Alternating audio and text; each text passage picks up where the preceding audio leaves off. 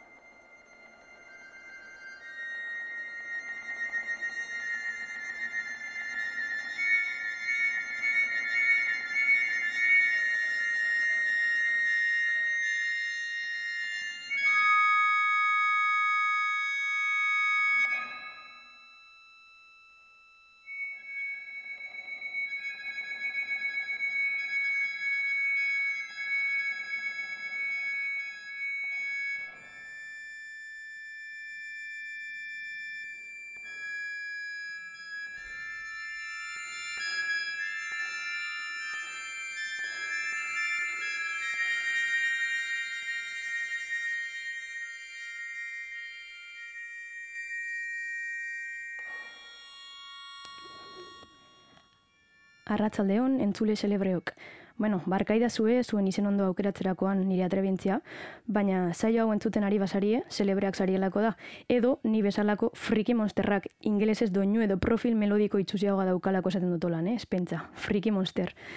Eta hitzek soinu edo doinua daukatenez, goazen mamira beraz. Orain dela segundo batzuk eh, entzun duzue, nire hau urdurian, Bilbo iria erratian ilusio handiz aurkezten ari garan saio berri honen izenburua. Estendalen oi hartzunak. Gaurkoaren bukaeran argituko dutzuet izenburu honen arrazoia edo jatorria. Hortaz, bukaerar arte belarri preste egotea baino ez jatzu geratzen. Gaurkoan, alde teknikoan, aholkularitzan eta euskarri psikologikoan oso beharrezkoa dela, han ezabala, mila eskerrane zure laguntza infinituagatik. Eta mikrofonoan ideia ordenatzen zaiatzen, baina ez lortzen, behar bada, garazina baz. Bueno, baita be, eskerrik asko bilboiri erratiari, eh, espazio hau eskaintzagatik, ez dala gitzi. Gaurkoan, barria garanez, e, sarrera luz eta txapandia botako dutzuet, saioaren nondik norakoak asaltzeko. Zuek pentsatu gugaz geratu eta ausardia handi zulo baltzonetara sartzea erabaki ona izango dan, edo ausardia alde batera utzi eta gaurkoan belarriak prest ez daukazu esala aitzakia moduan hartuta, berandu izan baino lehen irrati frekuentzia leunagotara joatea hobe izango dan. Izan ere, ontxe, oharra dator, abizu erraldoia, letra gorriz eta dardarka daukasana, musika klasikoa sarituko gara. Buf, unionetan zuen burmuinetako asko irakurtzen harinaz. Lagundu, mesedez. Bueno, zer da ba musika klasikoa? Itz hau erabiltzen dut egunerokotasunean osartuta dago alako. Baina guztiz egokia da. Izan ere, musika klasikoa, klasizismo garaian eman sana bakarrik izango litzateke. Beraz, zuzen berba ingo bagendu, eta klasizismoa gitzi gora bera, mia saspireun da brotamarretik, mia sortzireun da goira, edatzen dala, jakinda, ba, bueno, ez gauz oso, oso ondo, ez, ez goaz ondo. Musika akademikoa esan geinke baita, ingelesez, barriro inglesa agertzen da, zoritzarrez hau ekitzen zaiatuko naz, baina ikusten duzu ere oso kutsatuta nagoala onartzen dut. Ingelesez esaten da art music, musika artistikoa, zer da akademikoa izatea eta zer da artistikoa izatea, auskalo. Itzete egokiak eta oso itxiak musika mota asko kanpoan usten da benak. Eta, hemendik aurrera, kontzeptuen bile jarraitzen badugu, giroa ilundu eta aretzarago iraindu egiten dala uste dut. Zaten dabe, musika eruditua, musika jasoa, baina zer da hau, inguruko beste musika mota guztiak lokatzarteko musika baliogabeak dira ala, bestekiko irangarri eta humiliagarriagoak dira nitzak ez dago sala. Beno, saioak igaro ala, berrak zehazten edo gure itxika proposena bilatzen joango gara, hori izango da gure helburua edo kontrara, ziurren ikartuko dana, kontzeptua gero eta gehiago irekitzen, historian zehar gizakiok dana klasifikatzeko daukagun mania satarroren erruz sortutako mugak zeharkatzen, eta zehaztu gabetasunarekin bizitzen ikasten joango gara.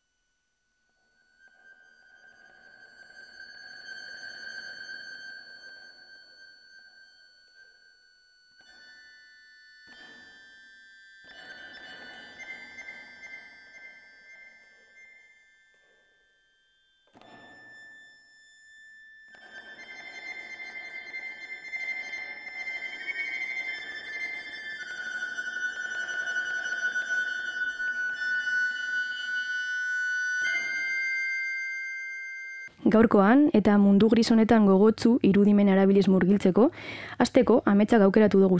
Ametsak eta musika aitzakia honegaz, klasiko ditzen deutzagun gure musika zehaztu gabe hau aukeraz beteta dagoala ikusi daizuen. Magiaz beteta, orokorrean magia ez ezaguna. Estendalen oi hartzunak saioaren buruko uin eundura bihurtuko dugun piezantzuten aritu zarie, nire hitz jario justifikatzai eta urduri honen tarteetan. Onartzeak lotza moten deuz, baina ametzen gaia gure estreinaldia izan da eta entzuten gaitu zuen bakoitzean irudimen ekimena martzan jartzeko pizgarri original baten bila, nire pieza bat aurkitu neban. Laburra salduko dutzuet, friki monster guztien artean celebrena izan da akordeoilarian asalako nola ez. Beraz, ez zaitez txartu sentitu, zuek baino celebragoa da norbait badago galako, ni neu. Gure eguneroko pizgarrita estendalen oi hartzunak saioa irekitzeko aukeratutako pieza, ohikoa edo normala ezin zan izan izenburu hau daukan saio batentzat, Ametxetan bat errealitatearen interferentziak deitutako 2008ko nire pieza da.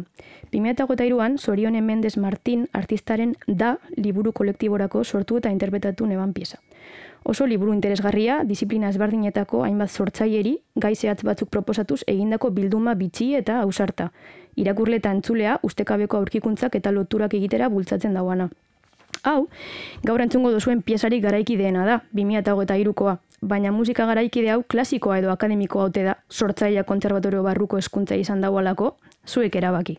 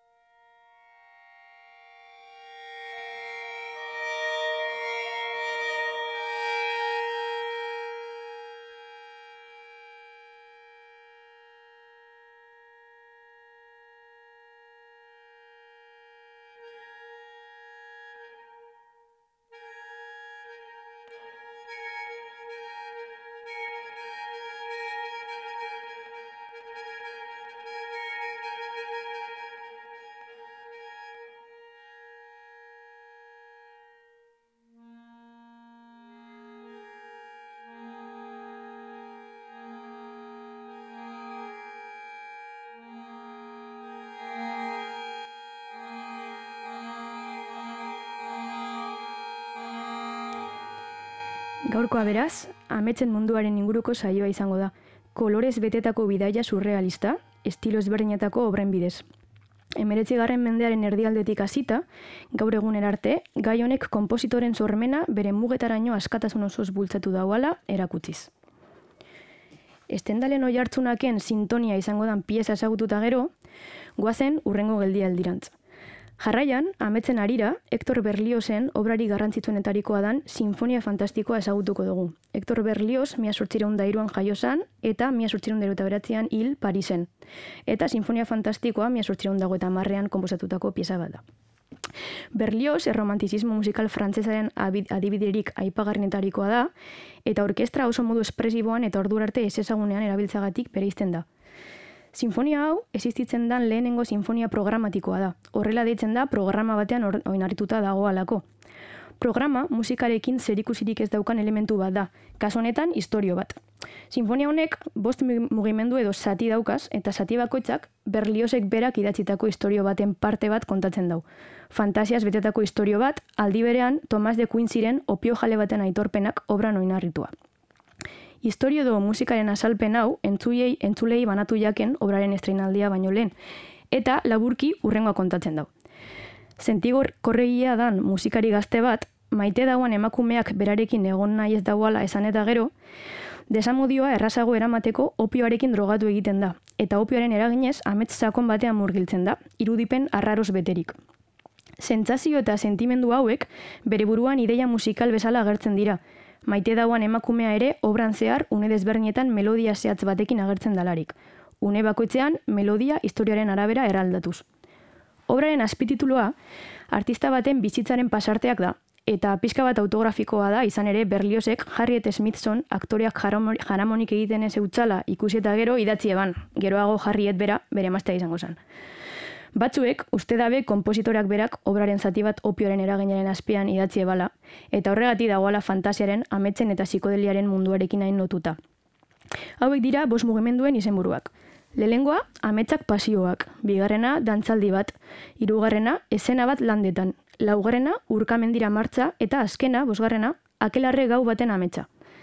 Azken hau da, entzungo duguna, honetan protagonistak bere hileta propioa ikusten dau, sorginez eta espiritu singuraturik, eta hauen artean bere maitea sorgin bihurtuta agertzen da. Bere maitearen ideia musikala klarinetea jotzen dau, eta ideia obraren hasieran agertu danetik oso eraldatuta dago. Izan ere, bere maitea, orain sorgin bat danez, melodia guztiz deformatuta agertzen da. Estiloa dar jotzaile batean, burlati. Mugimendu honetan efektu ezberdinak erabiltzen dauz historia hobeto kontatzeko. Hauen artean, arizko instrumentuetan, koleño teknika, arkuarekin aldrebez jotzean datzana, hau da, arkuaren egurrezko partearekin jotzea. Honegaz, soinu mestorietzua lortuz, espirituen dantza edo sorginen lapikoren burbuiak deskribatuz. Beraz, ona hemen, bosgarren mugimendua, Chicagoko Orkestra Sinfonikoak, Georg Solti zuzendariarekin interpretatua.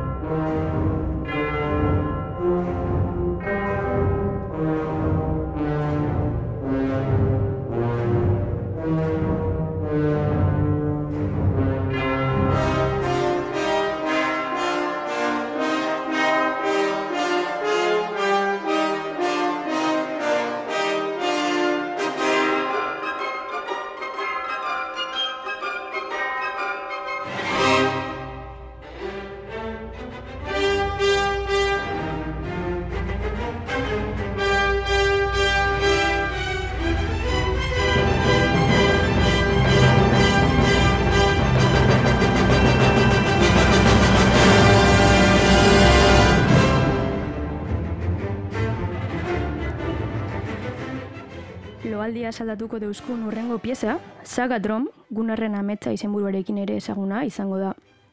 Pieza hau Carl Nielsenena da, kompositorea Danimarkar, bat, eta mila batzirun da sortzian idatzitakoa. Kompositore hau, Danimarkan bizi izan zan, mila sortzireun dero eta bostetik, mila batzirun dago eta, eta maikara.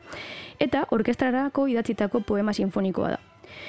Nielsen, Danimarkako kompositorerik garantituenen artean dago, esan bezala, eta kompositore nazionalista bezala har daiteke.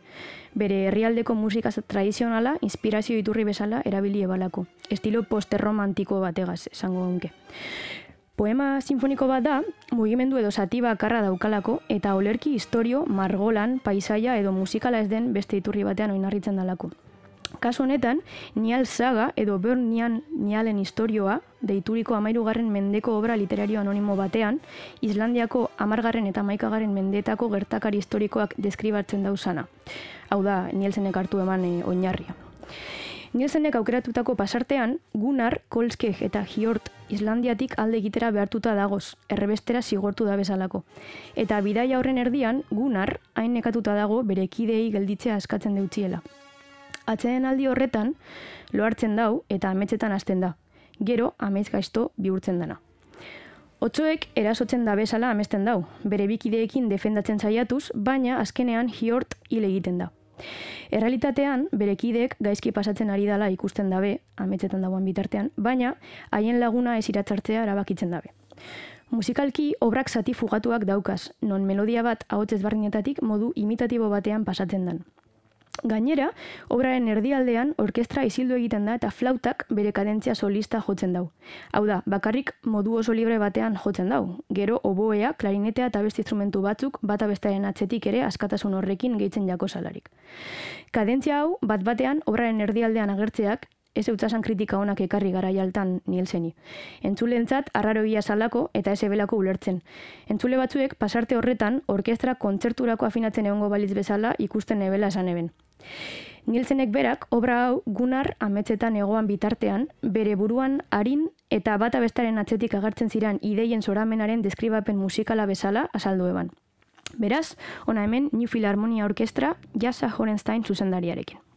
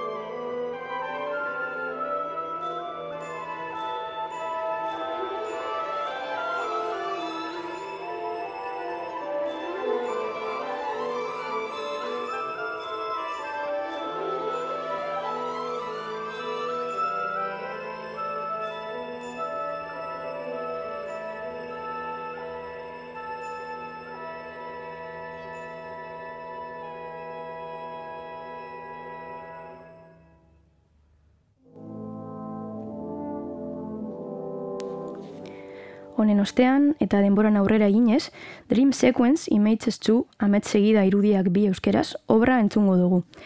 George Cram, kompositor estatu batuarrak, mila betzirun da irutamazeian egindako obra da, musika abanguardistaren barruan klasifikatu gainkeana. George Cram, e, estatu batuetan jaiosan mila betzirun da gota behatzean, Charlestonen, eta 2008an hilzan Pensilvanian, ondala nahiko gitzi. Kranbek timbre edo, edo soinue barriak bilatzen dauz etengabe bere obretan instrumentu ezberdinekaz asko esperimentatuz eta teknika barriak asmatuz. Horretarako baita musika idazteko modu barriak ere erabiliz. Obra hau, ganbera talde txiki batentzako idatzita dau. Alde batetik biolina, eta bestatetik txeloa, pianoa, perkusioa eta bukatzeko kristalesko harmonika instrumentu berezia. Hemen, e, lehen aipatutako soinu esperimentazioa oso argi dago. E, instrumentu guzti hauek hiru taldetan banatzen dausalako. Alde batetik, piano eta perkusioa batera, beste alde batetik, biolinia eta txeloa, eta bukatzeko azken taldea, eszenatokitik kanpo, kristalesko harmonika e, kristalesko harmonikoa jotzeko musikarik, musikari bi eskatzen dauz horregatik da talde bat. Eta berez, ur kantitate ezbardina daukien kristalesko laukopa dira. Ur gehiago edo gitziago gaz betez, nota zehatz batzuetan afinatu behar diranak. Zehazki, notak dira, do sostenido, mi, la eta re. Musikariek haien atzamarrak bustiz jotzen dabe, kopen ertzetatik labainduz, danokin dugun esperimentua noizbait bizitzan. Holan, kristalesko soinu jarrai eta tereo bat lortzen da. Musikari bi hauek obra soan zehar etengabe jotzen dabe eta entzulek musikariak estenatokian ikusten ez dabesanez oso efektu subliminala sortzen dabe. Ia magikoa, e, ez jakelako ikusten. Piano joleak, piano gain ere beste irukristalesko kopa jo behar dauz modu berean. Eta baita, Tailandian bufaloek eramaten daben egurrezko kanpai antzeko bat ere. Perkusioa oso exotikoa da. Krotaloak oso soinu agudoa daukien metalesko plato dotzindata txikiak edo kanpai japoniarra batzuk erabiliz, beste batzuen artean. Obra honen bitartez, Kranbek ametzen zehaztu gabetasun edo lausotasuna adirazi nahi dau. Melodiek mugimendu zirkularrean flotatuko balebe bezala. Denboraren kontzeptutik at. Interprete talde bakoitzak bere partitura modu zirkularrean idatzia dauka, talde bakoitza zirkulo batean modu nahiko libran mugitzen dalarik, baina kontuan hartuta zirkulo ezbarinak ez doazala inoiz batera. Onamen, ensemble Furnoie Musik Zurich.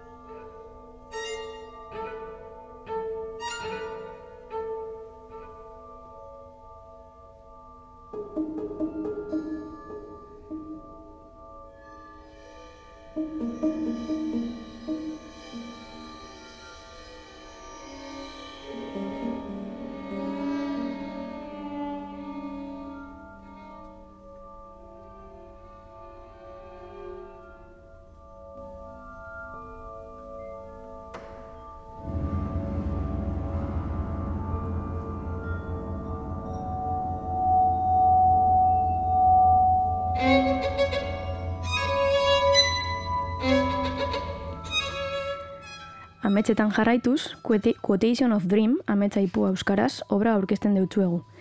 Toru Takemitsu kompositore japoniarrak bi piano eta orkestrarako komposatua mila batzireun daloro eta maikan. Toru Takemitsu mila batzireun dago eta marrean jaio eta mila batzireun daloro eta maseian hilzan Tokion. Takemitzuk musika abanguardista idazten eban eta mendebaldeko musika akademikoaren eta musika eta filosofia japoniarraren ezaugarriak nahazten ebasan bere obretan. Instrumentu tradizional japoniarrak tren barruan sartu ebasan eta bere herrialdeko musika tradizionala inspirazio iturri bezala erabili eban. Obra honetan, adibidez, perkusioan irugon ezbardin sartuz, batere oikoa esana. Obra honen aspititu, aspitituloa, Say See, Take Me, itxaso nazazu inglesez, hau da aspitituloa, eta Emily Dickinsonen olerki batetik hartutako bertso da, itxasoari referentzia egiten deutzana.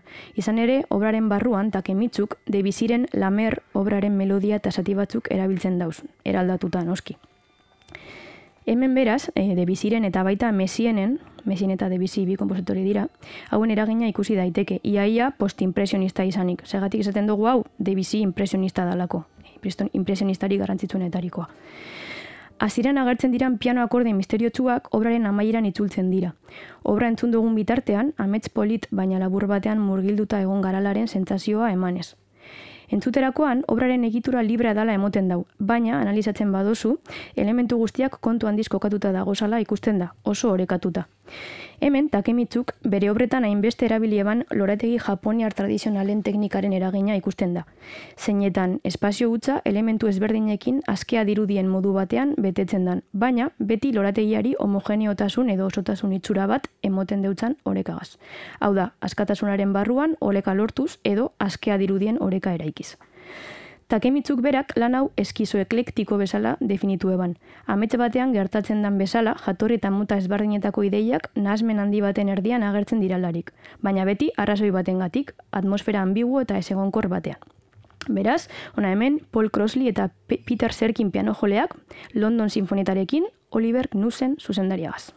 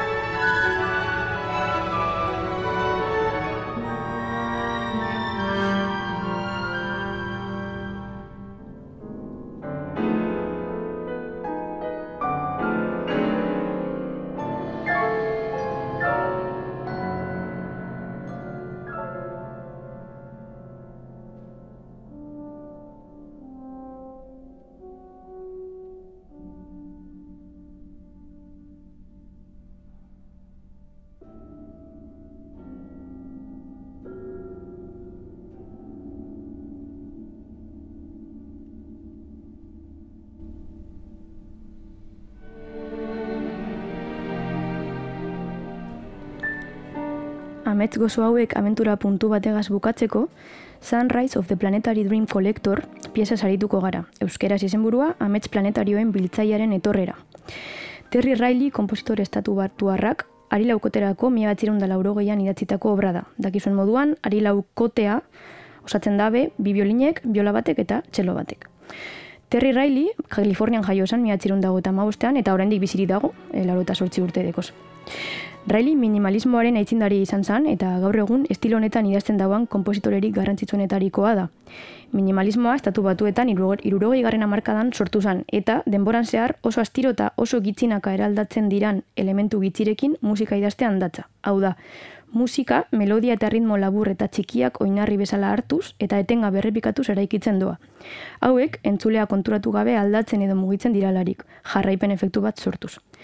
Railik berak, azaldu eban, obra hau bere lagun baten zazpi urteko alabagaz hitz egiten egoala, bien artean, izan eben ideia batek inspiratuta idatzi ebala. Eta ideia urrengoa zan. Behar bada gauero, gure ametsak batzen dauzan amets biltzaile bat gugan atortzen da. Urrengo egunean, bildu dauzan amets guzti horiek gure artean barriro birbanatzeko.